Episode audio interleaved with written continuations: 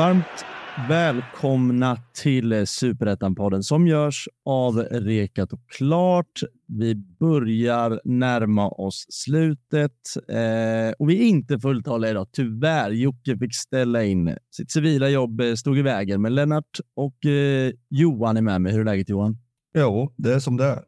Vill jag väl säga. En vecka till. Mm. Tusende veckan i år hittills. Som det har varit sådär. Mm, det är en lång säsong du har haft känns som. Ja, dessvärre kan den bli ännu längre som det ser ut. Ja, det, ja det, det gör det verkligen. Ni sitter på en position just nu där det de facto är så att den blir längre. Ja, det är tråkigt att det är så. Jag hoppas att ni reser er just för din egen skull och inget annat. Lennart, eh, hur är läget med dig? Bara bra tack. Det ja, börjar eh, brännas i division 2 norra Svealand. Eh, den fantastiska serien som man i och för sig gärna vill lämna. Men vi leder ju den, Karlberg, med en poäng Sverige ledare, två matcher kvar. Eh, så minst kval, det vet vi redan nu, till, till ettan. Eh, men jag slipper gärna det och, och tar eh, raka vägar upp med hissen istället. Ja, ni har väl gjort, testat det här kvalet förr, va? Ja, det är ganska tufft och vi har väl eh, ja, inte lyckats jättebra på tre försök innan. Så det vore skönt att slippa det helt enkelt. Och du var ju på plats eh, på Stadshagen sist. Mm. Mot Gute. Svenska Spel-sponsrade Visbyklubben är det, va? Mm. Ja, det var, det var eh, en stabil defensiv insats av Karlberg. Du var inte så imponerad och det var inte jag heller egentligen. Det var, det var inte mer än så. Nej, nej men jag, var, jag tyckte det. Du säger emot eller du kände som att du inte var enig med mig, men jag tyckte det var, det var liksom lite så lower League engelsk fotboll. Det var sjukt fysiskt och många vältränade individer, men det spelades inte alltid boll. Det var väl min analys. Nog om det. Vi ska prata superettan och som vanligt, vi har en gäst med oss. Eh, ingen mindre än eh, Mr VSK. Simon Johansson, välkommen till Superettan-podden. Stort tack. Kul att vara med. Ja, hur är läget? Jo, men det är fint. Skönt med en liten ledig helg som kommer här och många bra matcher bakom oss, så det, det går inte att klaga på någonting. Nej, eh, ni har verkligen ett eh, bagage av fina matcher. Hur ofta blir du kallad Mr VSK som jag precis gjorde? Nej, inte, inte, inte superofta, men eh, blir väl det ibland vid, eh, vid fina tillfällen och så, så det, det, är alltid kul, och, kul att höra det epitetet. Jag vet inte, det kanske är just vi media som har gett dig det, eller är det någon individ du vet som har myntat namnet? Nej, men vi hade en, en kille förut som spelade många år som hette Damir, eh, Damir Foric. Han var, han var med i många år i VSK, så han var väl Mr VSK när jag kom upp i A-laget. Men eh, nu har jag fått ta över den eftersom jag har stannat så länge. Då. Så det, mm. det är bara kul. Träningsmatch igår, va? Stämmer, mot eh, Brommapojkarna. Mm, var du, eller jag vet, det var ett eh, ganska så ungt lag som ställdes upp. Var, hur, hur såg det ut? Var ni andra med eller spelades? Hur många spelade? Vilka spelade? Nej, men det var väl eh, de som inte har spelat så mycket i slutet och i superettan nu de senaste matcherna. Vi, vi har ju haft tajt schema här och då har vi gått runt på typ, ja, jag tror inte mer än 14 spelare så att alla de vilade och sen resterande av truppen och några unga och sen någon provspelare körde igår, men de, de gjorde en jättebra match. Och eh, var den i Stockholm? Nej, det var i Stockholm, va? Ja. ja. Och du tvingades inte med för att kolla på? Nej, och jag hade tur att Sportbladet gick in och sände den, så då kunde man ju sitta och, och kika lite i alla fall hur, de, hur grabbarna skötte sig. Så det var kul att se Burke tillbaka i action och han, eh, han såg väldigt spelsugen ut, så det var, det var kul att se. Ett, ett resultat till slut det är väl inte världens mest intressanta match, men vad tyckte du om matchbilden då, du som ändå kollade? Ja, nej, men det var alltså BP ställde upp med ett ganska bra lag. Många, många rutinerade spelare och, och vi ställde upp med ett, ett ganska ungt lag och så, men, men jag tyckte vi gjorde det jättebra. Bra pressspel och liksom eh, en, ett, verkligen ett, ett bra träningspass för oss också. Så att, och många som, eh, som jag tycker stick, eller sticker ut individuellt, och bland annat Burke och vi har en kille som verkligen har gått under radarn som heter Mohammed. Mohammed, han är jätteduktig in i mittfältare så som är fin med bollen och så, men har haft lite skador och så, så han har inte fått spela så mycket. Men, men jag, jag gillar honom skarpt. Kul. Det blir roligt att följa. Som vi var inne på, du har ju spelat i VSK en väldigt lång tid. Är det hela ditt vuxna liv eller till och med även ungdomsfotboll och knattefotboll? Ja, jag kom eh, jag spelade i Ideonsberg, heter de, i, i Västerås fram till jag var 15 och sen hade vi en, en jättebra akademi på den tiden i VSK eh, med den som heter Jörgen Zetterström då, eh, som är i Östersund nu. Eh, han, han tog dit tre stycken från vårt lag då, och sen hade de ett, ett bra VSK-lag med bland annat Victor Nilsson Lindelöf och Andreas Östling kanske du vet vem, eh, vem det är från Gais där. Ehm, så vi, vi hade ett jättebra ungdomslag där, så jag började väl vid, ja, vid 15 då i VSK och sen när jag var 18-19 fick jag chansen i, i A-laget. Mm. Ni går ju som tåget eh, och vi ska givetvis komma in på detta. Eh, men backa bandet är ett måste enligt mig alltid.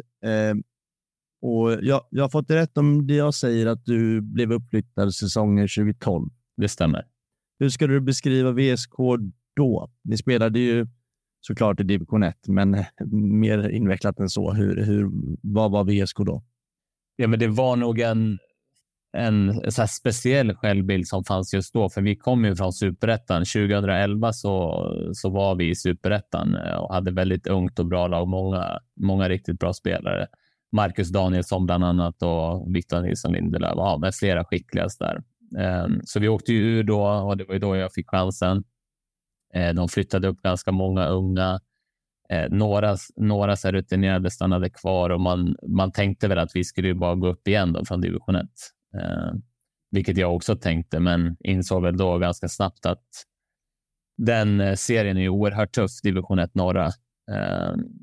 Så att, eh, men, och klubben hade ju liksom en svag ekonomi, eh, inte så bra liksom eh, intresse i Västerås heller. Vi har ju alltid haft våra inbitna supportrar liksom, som har stöttat överallt, men, men inte mycket mer än så. Så det, det var nog inte mer än, än tusen, ett, ja, men runt tusen pers på matcherna i snitt av max eh, på den tiden. Så att eh, det var, det var lite så konstig, eh, konstig period med självbilden och så att vi skulle upp direkt, men det fanns inte ekonomi för och mycket krav utifrån och så där. Men Eh, men det tog ju några år innan, innan vi lyckades. Mm. Du sa att Mackan, eller du nämnde både Mackan Danielsson och Victor Lindelöf. Var de inför den här säsongen båda borta? Eller? Nej, Victor, Victor spelade kvar, så vi, vi, jag och han delade på högerkanten där ett halvår innan han drog till Benfica. Då. Mm. Så att han, han hade väl någon form att han skulle ner dit på sommaren. Ni spelade ju Divet några år där sen. Um, ja, ni blandade och gav. Eh, om du tittar tillbaka på den tiden, hur, vilk, vilket år eller vilken tid var värst och hur var det när det var som svårast? Nej, men det var ju där, eh, alltså året efter gick det ju ganska bra. Jag tror vi kom femma eller så, alltså där 2012. Eh, och sen året därpå var det lite sämre och sen 2014, 2015, det var väl då vi nådde botten liksom, eh, som, som mest. Jag tror 2015 då då var jag skadad hela våren. Då var jag faktiskt kommentator på mina egna matcher i ettan. Eh, så då, då vet det, och så kom vi, jag tror vi hade sju eller åtta eller nio poäng någonstans där efter hela vårsäsongen. De har spelat ganska långt i division 1 innan det blir uppehåll. Eh, men där kom ju själva vändningen också. Då värvade vi hem Filip Troné och sen kom ju en som heter Karvan Safari, en, en, duktig, en duktig spelare på den tiden. Och så skapade vi ju, jag myntade faktiskt det uttrycket som var drömhösten. Eh, så den, det var den första liksom där vi, vi kom ikapp. Vi var ett topplag om man bara räknar på hösten. Då.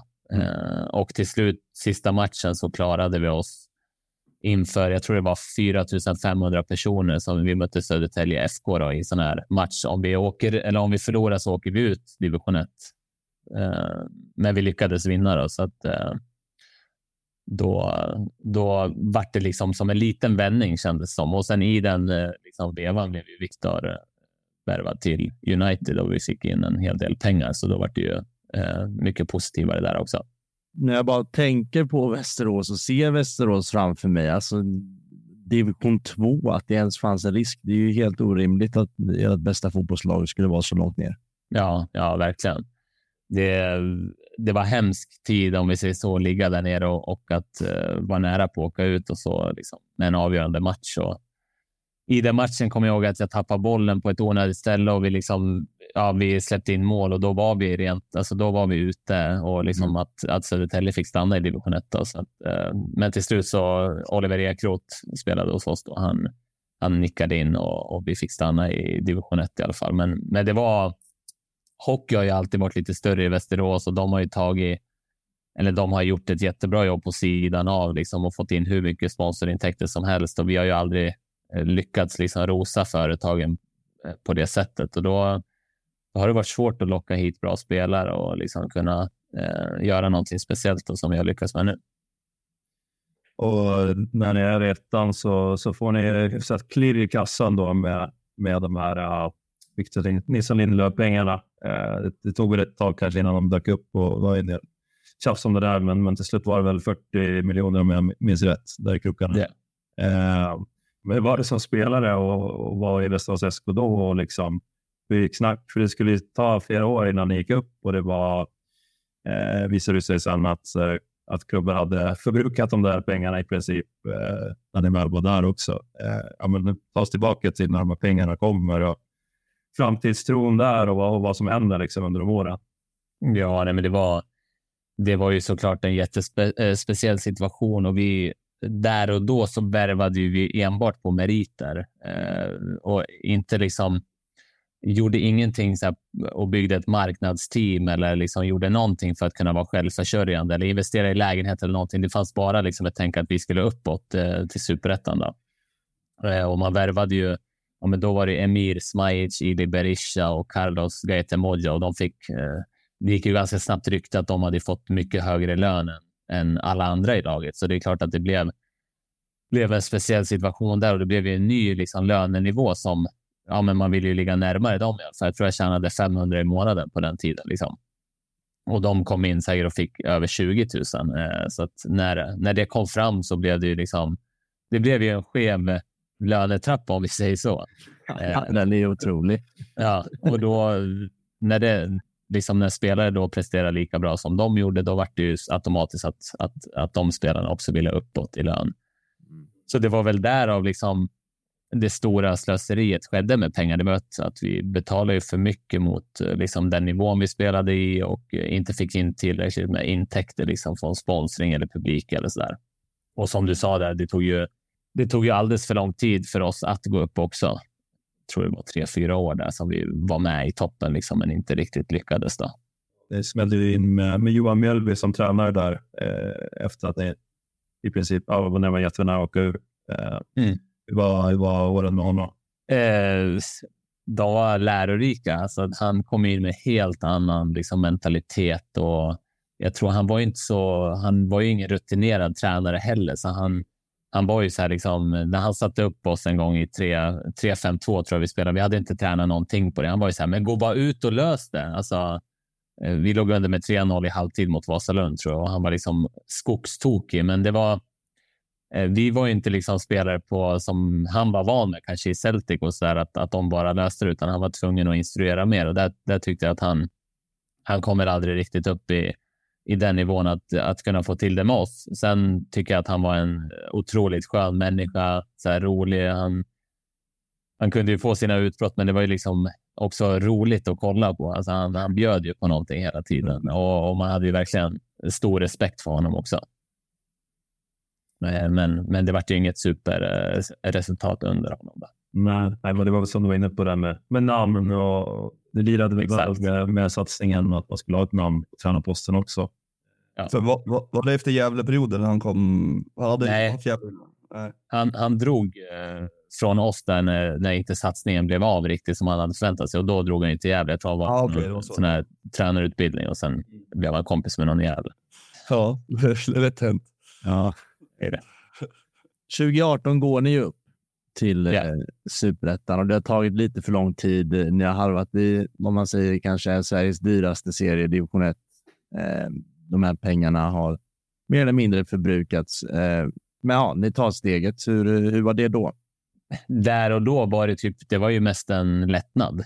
Alltså, det var ju, vi, hade ju ett, vi hade ju skrapat ihop ett riktigt bra lag då för division 1 och jag tror vi vann väl sju raka och eh, vi hade Torane Fredheim som tränare då och så här på sommaren fick han ändå gå för att spelartruppen var ju var lite missnöjda med honom. Eh, så att det var, det var ett så turbulent år och det var mycket press tack vare att truppen liksom också ville eh, få bort honom. Så, här. Eh, så att när vi till slut löste det på på hösten där så det var väl inget så här. Det är klart det var en stor glädje, men det var mer en lättnad och var tur att vi lyckades med det här nu och att vi äntligen fick gå upp till superettan och för egen del med. Jag hade liksom valt att stanna många år för att få spela i, i superettan med VSK så att eh, eh, det var ju jättebra och skönt att det hände då i alla fall.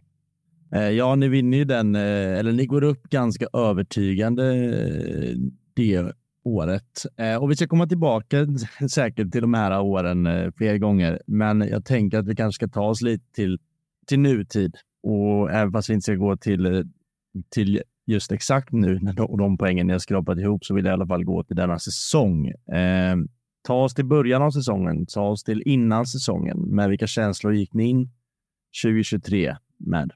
Ja, men känslan, eh, känslan var bra från start. Eh, och det med tanke på hösten eh, 2022 då, när vi, då började vi få till någonting bra. Vi, vi vann ju ganska många matcher då och, och löste kontraktet till slut på ett bra sätt. så att den känslan och det, de, eller det Kalle lyckades göra var ju att, att han förlängde med alla som var nyckelspelare under den hösten tidigare höstar under superettan hade vi tappat våra liksom, bästa spelare, bland annat Ali och Erik Björndal och eh, flera som var där. Men nu lyckades Kalle förlänga med alla som var viktigast. Eh, och så vi kom in i 2023 med bra självförtroende och så. Vi började ju träningsmatcher mot eh, allsvenska lag och liksom ja, men spelade superbra fotboll och eh, hade bra go i gruppen och så där. Kom till Svenska kuppen och eh, ja, mötte AIK där på på Tele2 gjorde också en bra match och kryssade och sen vann vi mot Varberg och så. Så det var. Det var en väldigt bra inledning på säsongen och man tänkte ju att i år kanske det kommer hända något bra. Men så vet man också att superettan, vi kan ju lika gärna vara i botten eh, om man får en skada eller att det händer någonting eller så. så att man har lärt sig genom åren att vara väldigt försiktig med eh, att tänka liksom för stort. Eh, men mm. man kände ändå en väldigt bra känsla inför säsongen. Då. Men är det samma sak åt båda håll? Att man kan tänka att man lika gärna kan komma på kval ner, men du kan också komma på kval upp. För jag menar, förra året kommer ni nia, för, förra året kommer ni tolva, så ni har varit i mitten och bakom de senaste åren. Men känner man både optimism och pessimism att man kan komma längst ner, men också högst upp? Ja, ja, men verkligen. Alltså när man när man får de tankarna i huvudet att det kanske blir allsvenskan, då går man ganska snabbt och eh, till sitt inre och bara du försöker inte, vem försöker du lura? Alltså det kan hända att det blir, att det blir bottenskiktet igen. Mm. Eh, för att vi har ju varit där. Vi har ju varit i botten alla år i superettan. Eh, så har vi kanske fått en fin placering i slutändan, men det är för man har lyckats få typ de sista tre omgångarna att det, att det liksom att det fina till siffrorna lite. Men eh, så det, den fanns i bakhuvudet. Sen visste jag att har vi liksom alla skadefria och eh, vi får fortsätta med det här, då tror jag att vi, alltså då är vi ett lag för toppen. Man såg ju lite hur det gick för andra lag under försäsongen och så där och det, det kändes som att vi, vi var starka där. Finns det en, ett moment, en match, en tid i år där du känner absolut inte att ni ska vinna skiten, men att du känner att fan, allsvenskan är inte omöjligt i år? Ja, det var faktiskt guys borta äh, när vi spelade där på Ullevi. Uh, så att vi, vi är inte kända för att vara ett starkt gräslag. Eh, men den matchen var, alltså den var otroligt bra från vår sida och vi liksom eh, Guys hade också gjort en väldigt fin säsong och man vet att de har många riktigt bra spelare. Så att, att vi liksom vann på det övertygande sättet liksom och ändå kunde spela av matchen på det sättet. Det var ju det vi, det var vi väldigt nöjda med efteråt och då kände jag liksom shit, det här, det här ser riktigt bra ut. Uh, nej, jag tänker såklart på på Kalles eh, påverkan på, på framgången här. Det är klart att det, den finns ju där, men han är även manager och, och just att han är VSK-are. Jag, jag känner honom väl som gammal KBS-tränare.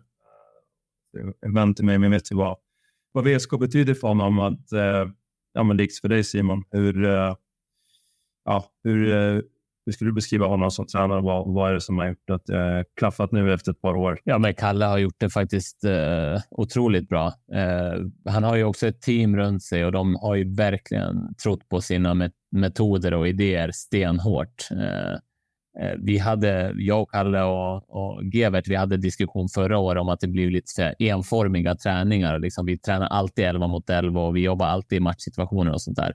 Eh, men det har ju visat sig liksom, över tid att det funkar väldigt bra och de har varit väldigt ihärdiga, liksom, tränarteamet med sina idéer.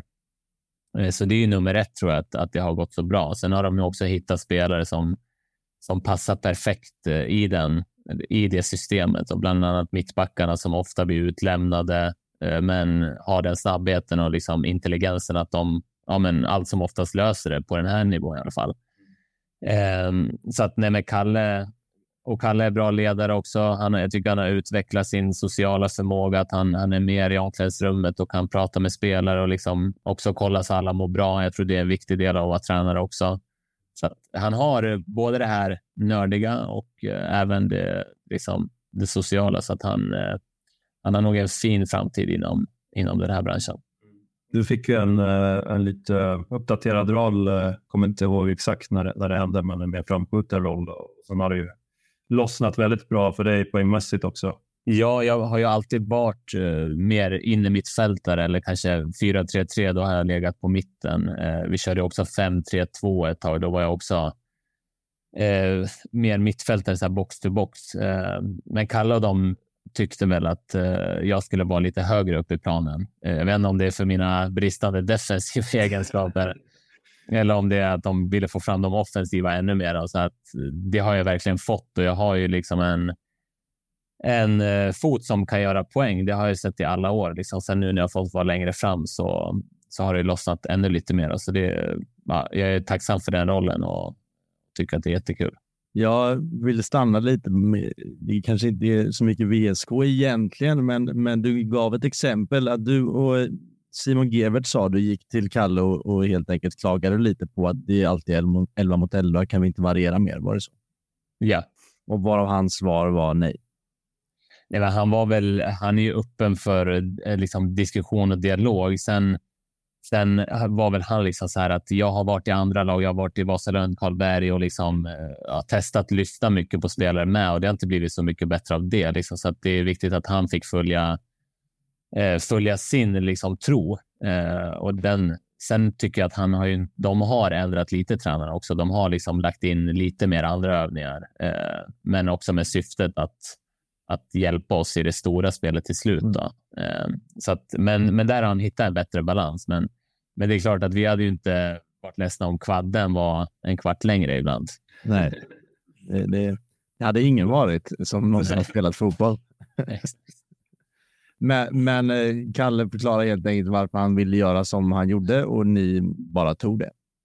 Ja, men vi har, eh, vi har en sån grupp också. Vi har väldigt få liksom, motstridiga personer, eller kanske ingen egentligen, utan alla är verkligen ödmjuka och har insett att eh, ja, men det är tränarna som bestämmer utan att de är någon så här maktmissbrukare för fem öre, utan det har bara blivit en skön harmoni i laget där vi, liksom, vi går ut och gnuggar det här 11 mot 11 ofta och vi vissa i laget får alltid vara liksom motståndarlaget, Jönköping, Sundsvall eller Helsingborg. Alltså de får alltid träna som det andra laget, men ändå, ändå kör de på och har tagit sin roll och liksom, ja, har också gjort bra när de väl har fått hoppa in. Så det är väl det som är en stor nyckel i det här året också. Och även fast ni har en miljö där, mm, som du precis berättade, så har ni också en miljö där ni vågar gå och säga att ni tycker att det är, att ni hade velat ha variation. Bara en sån sak, tänker jag. Ja, ja, verkligen. Alltså, vi, har, eh, vi har eh, högt i tak, tycker jag. Både bland varandra med att ställa krav på varandra, eh, men också att kunna att prata med tränare. Liksom, när vi har videogenomgångar så kan det bli eh, alltså, ganska heta och bra diskussioner som alla vill bara ta lärdom av och bli bättre. Liksom, vi vet att det är ingen som gör det för egen vinning eller så. Nej. Nu, äh, ja, men vi, vi pratade om, om dåtid tidigare när äh, man kan tänka att VSK som klubb äh, inte ska ligga division 1 och med sin historia och fanbase och, och allt inte lyckats historiskt. Men eh, ja, finns det något enkelt svar för det? Har det varit liksom fel, felaktig självbild eller eh, ja, inkompetens på styrelsenivå. Eller, finns något enkelt svar varför det har tagit så lång tid att få ESK till ett topplag och kanske allsvensk klubb nu. Ja, alltså det är väl. Det finns nog många olika förklaringar, men, eh, men framför allt är det väl att du aldrig har fått till det där på att det har blivit en stabil klubb som eh, har liksom. De har satt upp planer, men kanske inte hållit vad man har lovat till sponsorer och, och så vidare. Så varumärket har ju liksom naggats ur och till slut har det bara varit de här riktiga eh, VSK-supportrarna kvar, men de kan ju inte bidra med en massa miljoner som krävs för att slå sig igenom seriesystemet. Så att det har nog varit, eh, varit flera olika aspekter, men eh, en del av det är såklart eh, eh hur liksom klubben har jobbat på sidan av fotbollen. Då. Det, man, det man kan se nu är att det verkar, tack vare att ni är där i toppen såklart också, men, men säkert andra saker. Ni spelar fin fotboll och det också. Men jag menar, ni hade 400-500 på matcherna för ett par år sedan och, och då är det 4 000 sist och det är väl där någonstans ni ligger i snitt. Ja. Vad säger du om det och liksom, hur, hur är känslan på stan med bland supportrar och de du möter och pratar? Ja, men det, det är fantastisk stämning såklart. Alla pratar ju VSK fotboll liksom och eh, alla vill, alla vill ha någonting att säga och tycka till om. Och min, min pappa, han, eh, på hans jobb så säger han att det kommer folk som aldrig har liksom nämnt fotboll, så alla ska prata fotboll. Och, eh, så det är ju det är verkligen ett go kring, kring klubben. Och tillbaka till det där också med varför vi inte har lyckats tidigare är också att vi, vi hade ju behövt lyckas antingen på fotbollssidan eller på liksom marknadssidan först. Och det var ju tur att, att vi har fått in liksom Kalle och de som har lyckats så bra eh, på den här sidan. Då, för då kan man ju automatiskt kanske sälja klubben lite lättare och få dit folk och det blir det här engagemanget. Så att, eh, ja, det var väldigt ja, tur att vi, att vi har lyckats på fotbollssidan utan egentligen att ha någonting. Eh, de har ju, nu har de anställt en klubbchef och liksom det finns en, en bra styrelse, men men det hade ändå krävts, tror jag, från att vi, att vi kunde gå ut och leverera. Ja, men, eh, det, är, det är lite kvar när ni ska gå i mål, men det ser väldigt bra ut. Men är VSK är liksom organisatoriskt och infrastruktur och så där. Hur, eh, vad skulle du säga? Är det allsvensk klass idag eller vad behöver man fixa ganska snabbt om ni går upp? Nej, men det är ju jag har inte superkoll liksom på vad som krävs i allsvenskan, men det känns ju som att eh, det är några fler anställda på kontoret och som kan jobba med biljetter och eh, alltså det kommer ju komma. Om vi går upp nu då, så kommer det komma riktigt stora klubbar där det krävs ja, men väldigt mycket runt om känns det som. Eh, men, men det känns som att VSK eh, är snabba och det är många som bryr sig i stan eh, så att förhoppningsvis så, så kan vi lösa det bra om vi vi skulle gå upp och sen liksom att också få jobba i lugn och ro för det här tränarteamet och försöka behålla så många spelare som möjligt tror jag blir är jätteviktigt. Arenan då? Är det, det, har ni kortsidor? Nej. Nej. Nej, så det får de, det får de bygga upp. Eh, men eh, det har varit lite om det i tidningarna, så att okay. de, de vill bygga en kortsida, men då är det att man ska kanske hyra en sån här ställning. Så man önskar att det fanns eh, ja, lite, en lite sexigare arena. Det var roligare. Tror du att du kan få upp lönen över 500 eller när du går upp? Jag hoppas det. Jag hoppas det. Det borde haft. eh, ni håller på att tisslas och tasslas om om ni går upp. Om ni går upp. Ni kommer ju gå upp, eh, fast jag förstår att ni gillar när jag säger så. Eh, vad, om du bara får peka konkret på vad som har varit. Eh, ge mig några nycklar eh, för det här året som gör att ni tar steget upp till allsvenskan.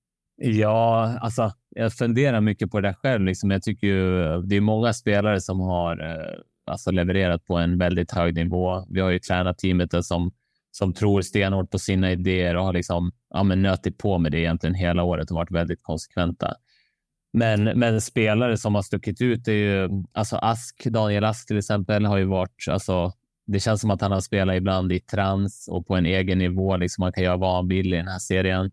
Men det känns konstigt att bara säga hans namn också, för backlinjen har också varit, alltså de har varit helt otroliga, de här tre mittbackarna vi har. Ja, men som egentligen blir utlämnade i många situationer och ändå löser det. Så Herman Magnusson har ju liksom sin, eh, han är väldigt bra i dueller och, och Douglas är väldigt bra. Alltså han är väldigt snabb och, och Freddie tar ju egentligen bort allt som är i straffområdet, liksom, så de, de kompletterar varandra bra också. Eh, men, men det är också så här, vi har wingback som löper mycket. Eh, och då har jag inte ens nämnt liksom, eh, vår liksom fronttrio som också har gjort det bra med, med högt pressspel och, och så där. Så det, det, finns mycket, men det är väl Ask och de här tre backarna och målvakten som egentligen har stuckit ut mest om, om jag skulle ge min bedömning. Då. Mm. Du själv eh, har ju stuckit ut i flera år nu känns det som. Du är, en, är nästan lite starstruck att du är med för att du är så här riktig profil i Superettan. Du, du måste ju lägga lite på dig själv också kan jag känna. Ja, men jag... Gud att du säger Nej, men jag, jag, jag är nöjd med min säsong såklart. Jag hade, jag hade ju väldigt bra snitt eh, poängmässigt och spelade bra under våren. Liksom. Och jag är egentligen, eh, vilket jag har sagt själv, liksom, att jag, jag brukar ofta vara bättre på hösten, men nu har vi inte riktigt fått till liksom, poängproduktionen på det, på det sättet, men ligger ändå bra till i det. Och framförallt eh, att spela bra fotboll, men allt handlar inte bara om poäng heller, men att kunna bidra med mycket liksom, bra kombinationer och ligga bakom anfall och, och, och jobba hårt och vara en bra lagkapten också, att finnas där för allihopa. Så att det är klart att min, min del är också en del av det, men eh, jag tycker att det är vissa andra som har stuckit ut mer. Har du varit nära på att lämna VSK någon gång under de här åren? Du är, du är en one club man eh, just nu och det får du gärna fortsätta med eftersom att det finns så få i, i fotbollsvärlden idag. Ja, nej, men det är klart att det har ju funnits eh, olika intressen och så. Eh, jag hade ju ett år hade jag ett norskt lag i högsta ligan som, eh, som var intresserade och där var det också ja, med ganska bra betalt. Så liksom, det fanns väl en, en möjlighet att, att kunna gå dit. Men, men i slutändan så, så, så har jag alltid känt ändå att ja, men vi har något bra på gång i VSK. Jag gillar att spela där. Jag gillar fansen. Jag tycker att det är, jag trivs bra i Västerås med min familj och så. så jag är inte alltid. Jag är inte. Jag kanske inte tänker som andra fotbollsspelare att jag måste gå vidare eller måste göra någonting och liksom så där, utan jag, jag gillar att vara hemma i tryggheten och, och liksom göra någonting stort på hemmaplan. Eh, vilket det ser ut nu att gå väldigt väl i, i de planerna som jag har liksom tänkt hela tiden. Eh, men, men, men det har funnits. Hur stort hade det varit? Hur stort hade det varit? Och det måste ju vara extremt stort för dig och, och din familj om ni går upp till Allsvenskan. Ja, alltså jag, jag får rysningar när jag tänker på det faktiskt. Eh, alltså jag kan ligga hemma ibland där när jag laddar inför match och tänka att nu kanske det löser sig, alltså att vi verkligen kommer få spela där. Och, och då, ja, men det, kan, det är rysningar och en, en liten tår kan det komma ibland också, för det har varit så lång resa med, eh, med massa motgångar och bråk eh, utanför med, alltså, med fans har varit kaos alltså, här, och, och sen till slut så kanske det blir det här slutet för mig ändå. Det, det, är något, det känns otroligt speciellt såklart. Kan du gå till Al-Sad med gott samvete sen efter säsongen? Exakt. hämta, hämta riktiga cashen. Ja, exakt. Men, men jag har en liten kort fråga innan vi ska tacka så mycket. Men Eh, Eh, du har ju bara skrivit eh, över nästa säsong också. Du skrev, du skrev väl nu i somras. Varför så kort? Eh, har du gått från 500 till superdyr eller vad? Nej, alltså jag hade gärna skrivit längre, men, men Kalle, bättre, men managerrollen där, han, han var väl, alltså han förklarade det som att över 30, när man är över 30 så vill vi inte skriva längre kontrakt. För att de har gjort det förut och då har de liksom, ja men spelare har gått ner sig så pass mycket efter den åldern. Så att man vill inte, och han vet ju att jag kommer stanna, så han, han är ju smart också. Han, han får ju mig att eh, ja, men fortsätta träna stenhårt. Om jag vill stanna kvar så kommer jag behöva leverera. Och jag kände där och då, tänkte jag först, bara tyckte att det var lite respektlöst liksom efter allt jag gjort och så här, men, men det är ju så fotbollsbranschen fungerar, liksom att eh, levererar man inte så blir man inte kvar heller. Eh, så att nu blir det mer en morot och sporre att eh, så länge jag vill spela, då lär jag fortsätta liksom träna stenhårt och leverera och sen gör jag inte det, då blir det ju, då är ju karriären över. Då får det vara så. Mr VSK Simon Johansson, tack så jättemycket för att vi fick eh, ringa upp. Tack själva. Ha så kul allsvenskan nästa år. Ingen jinx. Det är världens bästa människa. jag tänkte precis säga det. Vilken jävla... Alltså jag fick sån energi av att prata med honom. Otroligt. Hur kan man... Fötterna på jorden, något djävulskt. Ja, fötterna på jorden, något djävulskt. Mm. Ärligt på ett sätt som så här, han berättar liksom under pågående säsong. Alltså, jag tyckte det var jävligt respektlöst av min tränare, men nu har jag kommit till insikt med att ja, det är så fotbollen fungerar. Alltså, Ja. Folk berättar inte sånt. Nej, det där händer inte i allsvenskan. Alltså. Nej, det händer inte i superettan heller. Nej. Jag, jag vet att han var inne och likade någon tweet från mig när jag dömde ut någon domare i våras. Det har ju alltid varit fin på den. Alltså. ja, Och några utbrott i medier och liksom så här. ja, han är jävligt fin. Det är svårt att summera så direkt efter, men, men för man är väl i någon sån, antingen så tycker man så, eller ganska många gånger har vi suttit här och känt, ja, det där var ju ett kryss två hela vägen från start till mål liksom. Mm. Eh, Men nu jag, känner jag verkligen så att eh, fan vad kul att det fortfarande finns eh, människor som kommer in med ett bra ljud när man ringer upp och tar sin tid och verkar tycka att det är trevligt. Liksom. Mm. Nej, eh, väldigt kul. Vi slänger in en bumper. En toppenintervju helt enkelt. Vi tar oss vidare. Vi har, vi har många matcher framför oss som vi ska prata om, men eh, först ska jag bara ta några, två snabba, tre snabba nyheter om man får kalla det så. Först välkomnar vi Varbergs Boys till Superettan. Ja, Mm. så det är ju. Ja, Verkligen. Är ganska likgiltigt hela saken, men, eh, men eh, ja, det, det är ett lag jag har koll på, så det är ju kul att de kommer till, till eh, Sveriges finaste serie. Det kanske eh, ökar chansen att du ser mer Superettan-fotboll live nästa säsong. Ja, jag bor ju i Mer? Stockholm, så jag vet inte, men, men eh, ja, kanske, kanske. Jo, men eh, ja, jag är ju hemma en hel del på sommaren, så, så är det. Vad, vad tror ni? Varberg har ju liksom rustat för Superettan sedan fem, sex, sju omgångar tillbaka. Tror ni att de eh, kör för att gå upp nästa år? Oh, svårt. Jag har inte koll på ekonomin, men det känns ju som att, eh, som du säger, de har ju eh, plockat bort spelare. De hade ju å andra sidan eh, Sveriges största trupp på Mm. 45 gubbar. Så det behövde de väl göra. Men eh, det känns ju som att de har gjort försäljningar och, och helt enkelt gett upp allsvenskan och byggt för att eh, bli eh, eh, ja, men en, eh, en superettan-klubb som ändå mår förhållandevis väl. Och Ja, det tydligaste mm, sättet det alltså visar sig, det är ju att Linderoth, eh, Tobias Linderoth blev klar som tränare Mm. för länge sedan. Ja, ja men det, det, det känns som ändå som en bra match tycker jag. Eh, gräslag och så som, som Varberg har spelat under Jocke Persson. Mm. Så, Linderoth kan plocka det bästa därifrån och, och lägga till lite egna element också. Så har de nog en identitet som ändå liknar det som tog dem upp och fick dem att stanna ett par år. Varberg firar 100 år 2025, så det hade ju varit ett fint, eh, ett fint sätt att kliva tillbaka in i allsvenskan direkt. Jubileumsåret i allsvenskan. Det kanske är det de, det de rustar för. Vi vet ju allihopa hur det är att åka ur. Det är inte, det är inte så att man studsar direkt. Nej, man kan ju studsa ner kan man absolut göra. Ja, det kan man göra. Det finns lag som eh, riskerar att göra det. Ja, samtliga lag som åkte ur allsvenskan förra året. Ja. Andra grejen är ju att eran Tommy Naurin, Johan, avgår. Ja. Joel Cedergren tar över som sportchef 2024. Ja, den eh, liksom tilläggsnyheten var ju inte så att man eh, välte av stolen när man såg det direkt. Nej. Eh, inte att Tommy klev av heller. Det har jag haft på känn eh, ganska länge. Ehm, jag tycker det säger någonting om vart vi är organisatoriskt. Det är ju en eh, fruktansvärt dålig rekrytering uppenbarligen. Han är inte ens där ett, ett år liksom. Uh, skulle ju vara ansiktet utåt för den här nya satsningen. Uh, Urbans, eh, ehm, eh, ja, av, man avpoliterade Urban, tog in Tommy som skulle funka som den nya bryggan och allting och så blir det så här. Det är ju ett bottenbetyg till styrelse, måste jag säga.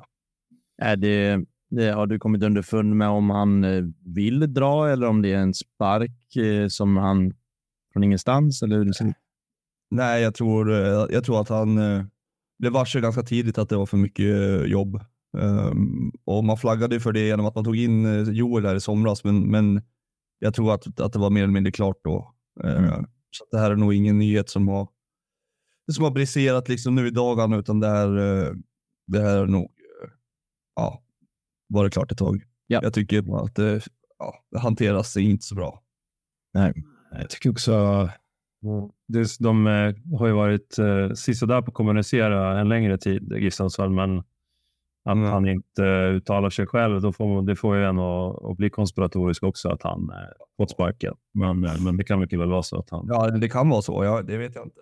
Ja, men det är också, eh, låt han säga några ord om det. Ja, det står ju helt okommenterat eh, och då, då känns det som att det är någon schism bakom det, men det behöver inte vara å andra sidan. Någonstans kan det vara, det kan väl vara så också att eh, i och med att man tog in en, en till sportchef i somras då, alltså Joel skulle fungera som någon slags backup. Eh, att man kanske har satt, satt det som krav då att antingen så vi kan inte ha liksom två sportchefer i Superettan när vi är black eh, och att det blev det gav sig självt liksom. Men, men inte ens en sparkning kan ni göra tydligt bra och transparent. Nej. Exakt, varken på plan eller utanför. Nej. Nej, sen, eh, han, ska, han har definitivt underkänt för, för många värvningar och truppbyggen Ja. i, i så, men samtidigt eh, lite till hans försvar så är det ju helt sjukt att han börjar jobba i januari när Ja, allt liksom planeringsarbete och de viktiga kanske kontakterna på den här nivån tas. Om du ska, om du ska värva liksom unga utvecklingsbara spelare som, som ni har haft svårt att hitta eh, så är det ju man kommer in alldeles för sent i bilden. Eh, både klubbchef och sportchef. Ja, det har jag väldigt svårt att förstå varför man inte insåg det att eh, det är väldigt viktigt att ha en sportchef i september, oktober så jag var inför nästa år. det skulle vara klart när Urban fick fo foten. Liksom att det var ny. Det, det, det, är mycket som ja.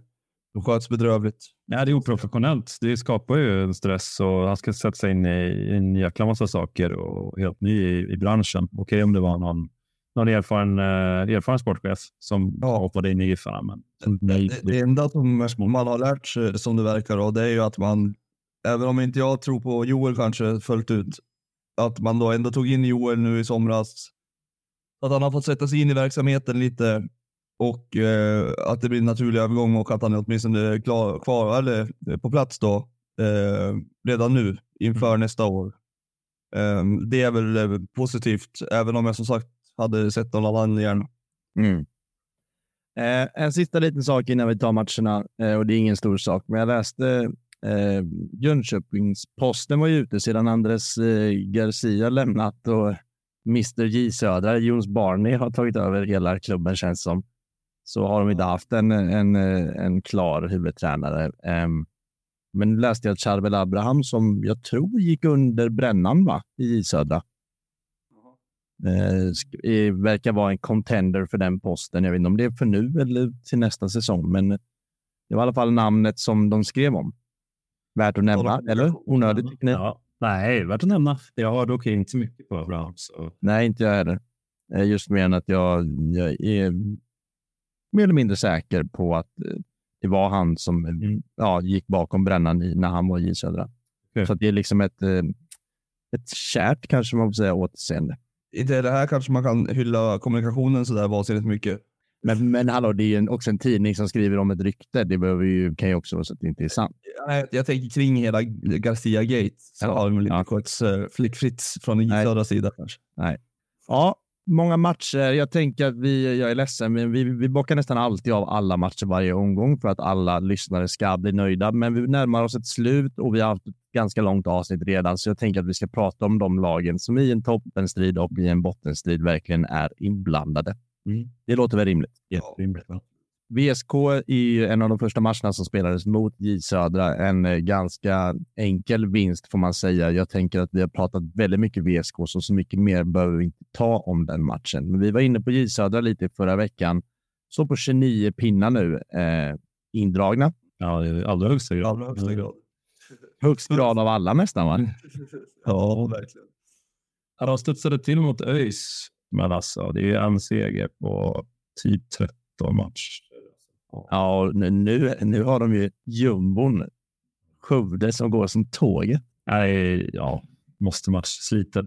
Slitet Ja. ut. Men uh, de har ju ett, eh, en möjlighet här två kommande omgångarna mot, mot uh, Skövde och AFC att uh, skjuta sig därifrån eller att skjuta ner sig själva i, riktigt ner i smutsen. Ja, Mm det är klart det finns någon, det finns någon charm i att Skövde går och vinner den matchen och bara fortsätter briljera. Men jag tycker ju som vi var inne på i förra avsnittet att Jönköping som stad, som lag och Stadsparksvallen som plats, det, det får inte vara på en lägre nivå än superettan. Nej, det vore tråkigt. Men eh, som vi också varit inne på, de, eh, man kan inte missköta sig hur, hur som helst som förening och, och leva på på sitt namn, då, eh, då förtjänar man faktiskt att, att få åka ner och, och börja om. Nästa match på mitt schema var Skövde mot eh, Gävle. Gävle som jag tycker verkligen har satt sig i ett ingenmansland och kommer klara det. 33 poäng räcker. Det är för många lag som är inblandade där nere i botten. Skövde ligger sist på 25, men de är ju bara en vinst från att eh, ja, bara uppe bland liksom 12 eller 12 13 plats. De har tre vinster på de fyra senaste matcherna. Det, det är ju möjligt ju. Alla på hemmaplan. Södermalm ja. det på hösten. Där är, ja. där är gräset inte lika grönt som på andra ställen. Tidiga mål också och sen stänga igen butiken. Mm. Det är svårt då. Skövde Helsingborg omgång 30 på Södermalms IP. Oj, oj, oj, vilken ångest om jag höll på Helsingborg och, och de har något att spela för. Usch. Ja, ja, det är inte kul. Nej, det, det, det, är inte så mycket mer om just eh, den matchen, men äh, ja, vad händer egentligen? Det, det, det är jävla bedrift om Skövde löser det här. Ja, det är Bjerkebo är stilt på mm. Han är fin som fan, Bjerkebo. Ja, han och Camden Tibell som ligger på 1 plus 0. Eller vad det nu är. 1 plus 1 kanske. Öster studsade tillbaka efter en period av rätt många dåliga resultat. Eh, vinner övertygande mot Örebro eh, på Visma Arena. Eh, Rodic och eh, Jakob är ju framförallt skillnaden här. Rodic mål. Oj, oj, oj. Ja, jättefint. Eh, men jag har också kritat ner Jakob i mitt körschema bara för att jag tyckte han sprang som satan. Var delaktig i det mesta. Eh, så, mm. ja. ja, det var, det var bra gjort av uh, Westermark som var sten också. Vad, vad får jag för odds på att William Eskelinen står i mål i GIF Sundsvall nästa år om vi är kvar i Superettan? Ja, där lär det finnas eh, lediga, lediga målvaktströjor. Du får välja mellan honom och Wolters då. Oh, klart man hade kittlats av Wolters i struten, men Nej, jag väljer nog Eskelinen. Nej. Ja, men jag tänker, Joel sportchef, jag tror att Eskelinen har utgående. Eh, våran slips har utgående. Mm. Ja, jag vet inte. Ett plus ett. Jag vill bara dubbelkolla med dig Lennart. Behöver du ta ett samtal så skickar vi iväg dig snabbt. Och så... Ja, men jag gör gärna det. Så ja. torskar jag inte den mille.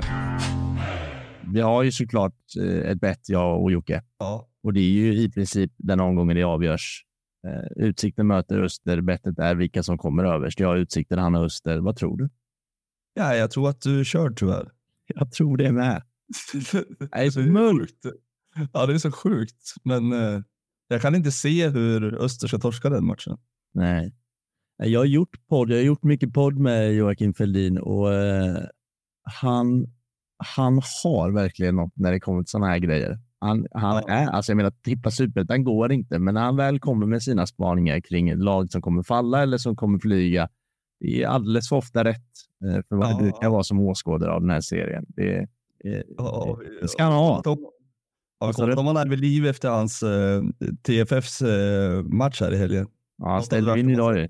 Ja, det är sjukt. Du såg den uh, matchvideon där? Ja, exakt. Och ni skrev ju massor om det i chatten och jag läste på. Så otroligt. Ja, för den som inte har sett så, ja, Joakim är som de flesta jag tror vet tränare för Trelleborgs damlag. Och de hade en match i helgen där de, ja vad hände? Sista fem minuterna var det missade straffar, missade mål, ja. missade Ja, det var allt. De missar straffen, räddningen går rakt ut. Hon som tar returen missar, alltså målvakten räddar returen. Mm. Strax efter får de ett bortdömt mål.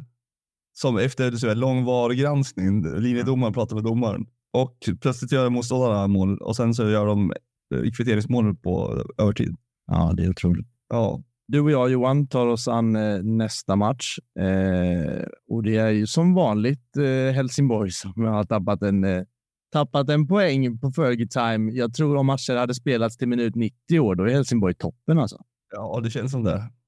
Det känns som det. Ja, nej, det är, det är Malcolm Stolt som ja. dyker upp.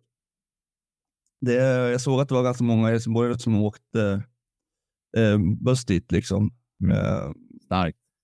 Ja, det är det verkligen. Det måste ju vara smärtsamt att åka på en 92. Det är, vad är det, 100 mil eller vad det är. Ja, eh, Helsingborg också är ju liksom väldigt långt ner i landet. Så ja, det är det. Det är en bit. Nej, den är för fan, den kan inte vara kul. Um, nej, de har ju, de, alltså, jag, jag, jag tänker varje vecka att det ska vända. Alltså att de säger, men nu, nu vänder det ändå. Alltså nu klarar de mm. sig. Mm. Och så, nej. Nej, och så, men de hade ju en period eh, där vi sa ja, men det är nu Helsingborg reser sig. Sen hade de ganska många förluster därefter och sen hade de nu en vinst, en lika en vinst. Och då tänkte man igen, nu är det löst. Men de, Ja. det är inte så många poäng. Det är, alltså, det är, de har bara 28 poäng. Det är, ja. Ja, Eh, vet. Medan medans Östersund är ju på 36 poäng och är klara med sin säsong. ja, det är ju också imponerande, även om det smärtar. Mm. Det är så otroligt lite som skiljer en godkänd säsong i år placeringsmässigt Ja, från att eh, kämpa för överlevnad, som, all, som alla gånger såklart. Det är många som kan eh, vaggas in i falsk trygghet genom att säga att vi blev sjua i fjol, som egentligen kanske bara är tre poäng från att åka ur egentligen. Ja. ja. Det är kul också när jag nämner att vi ska bara prata om matcherna som rör bottenstrid och toppenstrid. Det är ju samtliga lag. Ju samtliga exakt. Alla matcher. Ja, vi går vidare till mitt Gais då. Eh, en knepig match eh, på Tjongavallen. Eh, Gais kommer till Trelleborg som på förhand var den matchen av de här fyra, fem sista där man kanske tänkte att fan, det här kan nog vara matchen där vi tappar poäng. Trelleborg är helt okej slag, ett lag som är väldigt bra hemma. Gais har, har torskat, eller Gais senaste fem matcher mot Trelleborg är fyra torsk och ett kryss. Matchen börjar, Trelleborg bara kör och kör och kör, radar upp chanser och man tänker nej, nej, nej. Eh, vad händer?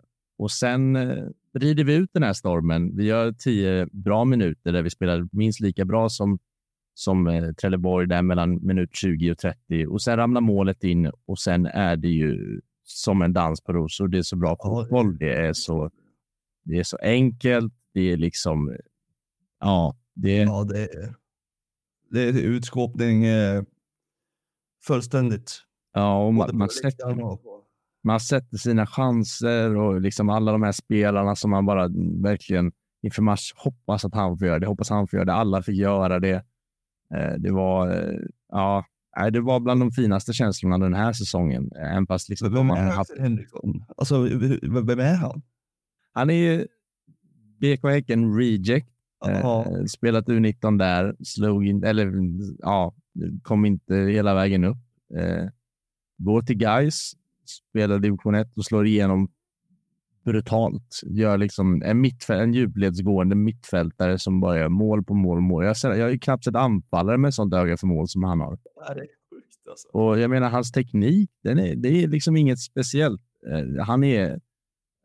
Han har bra teknik, men liksom det är inte så att han har de här offensiva egenskaperna som man tänker att det här är anledningen till att han gör massa mål. Likt när man kollar, fan jag är så ofta jag tar referenser till den internationella fotbollen. Det är så dåligt, man ska inte göra det för att det är så en annan nivå. Men jag tycker att så här, fan har man inte kollat på Thomas Müller i alla sina år och tänkt, vad är han ens bra på? Jo, jo, jo, jo, verkligen. Bra spaning ändå. Ja, vad är han ens bra på? Och bara spottar in mål.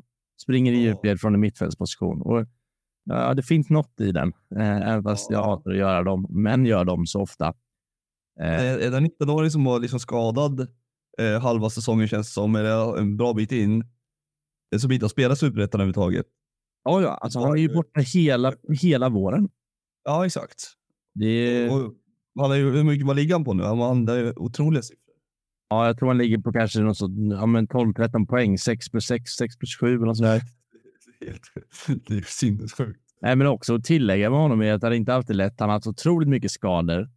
Förra året i februari, inför säsongen i division 1, så diagnostiserades han med kroniska tarmsjukdomen Crohns, som den heter. Oj. Ja, och trots de här liksom skade och sjukdomsproblemen så gör han ju en helt strålande säsong. Eh, och han spelade med gips en stor del av förra säsongen på armen. Och det På ena benet. Nej, inte riktigt. Men, eh, ja, jag det har gått och blivit en publikfavorit så in i helvete och Gais har faktiskt gjort eller det har ju kommit blivit en sång för honom som jag eh, håller väldigt högt. Det är ju till ABBA-melodi då. Eh, det går liksom slösa, inte bort din målchans, passa till Henriksson. Ja, det är bra. Det är bra. Eh, väldigt kul och den går ju, ja, det är väl den dansen som kanske går flitigast den senaste månaden. Ja, det kan jag tänka mig. Det, det, jag måste rätta. Återigen så har jag sagt att de är 19 när de i själva verket är 21. Ja, Eh, Henriksson. Ja, Ja, nej, det hörde jag inte ens att du sa. ja, ja vad bra, men jag rättar mig själv. Men sen så 6 plus 6, 6 plus 7. var lite skarvat. 6 plus 3 har han på 13, men det är ju fruktansvärt bra siffror. Som inte... Ja, och det är alldeles för nära för att ge kritik. Ja, ja, ja verkligen. Inom sin. Rätt klart. Eh, inte nog om guys, men nog om honom. Eh, matchen flyter ju bara på. Eh, Julius Lindberg är också tillbaka ett slag efter allt det här. Ryktena kom ut, BK Häcken, som då ska fortfarande vara helt sant efter vårt samtal med Trolén, tyder allt på det. Eh, han mm. kommer inte spela guys nästa år. Så när det hände så blev det ju vad det blev. Han eh, försattes till bänken. Hans ersättare spelade väldigt bra. Det blev en naturlig switch helt enkelt. Eh, mm. Han fightar sig tillbaka och är kanske vår bästa offensiva spelare de senaste veckorna tillsammans med Axel Henriksson. Då. Eh, mm. Min lilla, lilla oro är bara så enkelt att det är ju verkligen inte klart för guys som det är för VSK. Men alltså, det så, optimismen i vårt led just nu är hemsk. Ja. Alltså, det, det, folk pratar liksom om liksom, ja, redan om nästa år. Eh, jag lider med er. Ja, alltså, men det är den här tiden man ska njuta. När det väl är klart så är det klart. Då är det bara verklighet. Det är den här tiden som är den bästa på hela året, när man fått hoppas och tro och, och liksom le och studsa runt på gatorna i tanken av att det kommer gå, det kan gå. Eh. Så jag kanske bara ska embracea skiten och, och, och må toppen. Tre poäng till godo på Utsikten och eh, 18 mål, va? Ja, 18 mål har vi mm, till godo, ja. Så det är klart att det ser okej ut. Jo, jag vet, men jag menar, vi har ju Utsikten i sista omgången. Har de gått rent och vi har torskat den, då är det liksom en avgörande match mot det där jävla ja, laget. Det är inte så knepigt om det om så blir fallet. Liksom. Nej, nej. nej en eh, maktdemonstration av guys. Vi rullar vidare. Vi har eh, AFC Landskrona. Det är en match som du såg. Ja, det är fruktansvärd fotbollsmatch var det. Fy fan alltså. Det, det var beklagligt att se.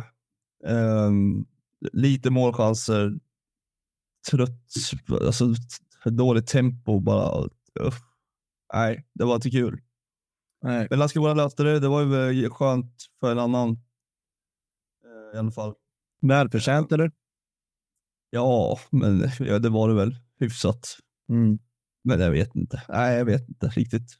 AFC hade mer avslut egentligen. Um, så, så spelmässigt så kan man väl se att Landskrona är bättre, tycker jag. Uh, alltså det finns en, en tryggare grund uh, hos dem. Men visst, målchansmässigt så, så kan säkert AFC ha varit um, bättre. Men, men ja. jag vet inte, jag tycker det var dåligt. Landskrona hade mycket boll. Um, AFC kanske lite hetare chanser. Generellt bara en dålig fokusmatch. Två matcher kvar. Eh, den ena är ju ditt förbannade Giffers. Eh, torsk mot Brage. Eh, ta oss igenom skiten. The damned Giffers. Um, ja, men det är jättebra första halvlek. Tycker jag. Um, um, hade man inte varit så van uh, det här laget så hade man ju tänkt att det var att det var ganska komfortabelt och klart liksom. Vi gör 1-0 har jag pitchkast femte tror jag för året. Um, då har du massa assist. Han ser bra ut ändå tycker jag. Och sen kommer, uh, får vi straff. Och vi, hade, vi fick ju vår första straff för två veckor sedan. Mm. Erik Andersson klev fram och satte dit den. Nu är Pontus Engblom tillbaka och skulle ta den. Skeppar den över med en och en halv meter. Man såg det direkt när han tog bollen att den kommer inte att gå i mål. Right. Uh, sen är det två hörnor andra och sen är det vänt och sen så är det noll forcering och bara bottenlöst. Det är knepigt. Jag menar, har inte Erik Andersson överlägset finast fot i ert lag? Jo, och sen har Pontus varit straffskytt. Ja. Ja, de behöver alltid gå, gå hand i hand de två sakerna, men ändå. Nej, men... Senaste straffen, det är ju hårt att inte ge det till samma person. Ja, jag tycker jag, speciellt så att Pontus har ju varit rätt kall. Liksom. Ja, sen säger vi det endast för att det är en miss såklart. Eh, ja. Det hade ju varit för oss givet att det var Pontus Engblom som klev fram om det bara hade blivit mål där. Då är det inget Ja, exakt. Men man bör, bör ju liksom ta dagsformen i beaktning någonstans. Mm. Också. Eh, ja, det hela kalaset avslutades med någon slags kvartssamtal nere vid, vid stängslet liksom, som pågick ganska länge. Eh, där, ja, eh, supportrar är, är upprörda och eh, frustrerade, vilket jag ja, eh, skriver under på. Man är ju det. Man eh, Mm. känner en oro. Men nu är vi ju i allra högsta grad eh, liksom med risk att åka ur liksom. Ja, det får man verkligen säga. Ni fyra lag som ligger där nere i botten, ni har i princip exakt samma målskillnad och skiljer två poäng, eller tre poäng från Sundsvall till Skövde. Och ni ligger Mm. minus 13 och minus 14, alla fyra lag. Målskillnad. Så ja, vem, det kan bli vem som helst på vilken position som helst, det känns som. Vi har ju alltså Örebro borta. Sen har vi Örgryte och AFC hemma tror jag. Mm. Och sen Öster borta. Och ja, till de tre första matcherna, det är ju mot lag som är mm, ja, med. Liksom. Örebro är ju på något sätt indragen också. Men, men, men jag tror, nej, jag skulle säga att det är Jönköping och ner. Ja, kanske. Möjligtvis. Men poängmässigt klart Örebro finns en risk, men det, det, är så, det är så många lag under som ska göra Ja, för sig för att Örebro ska blandas in. Och det här kommer inte ske. Absolut.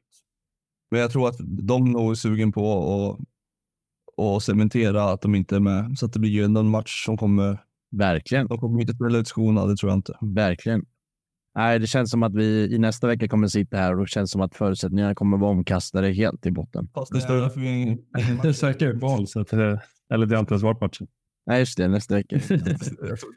Pandemi som har brutit ut. Vilket inhopp han gör, Lennart. Ja, men eh, jag har smyglyssnat. Nu är jag tillbaka.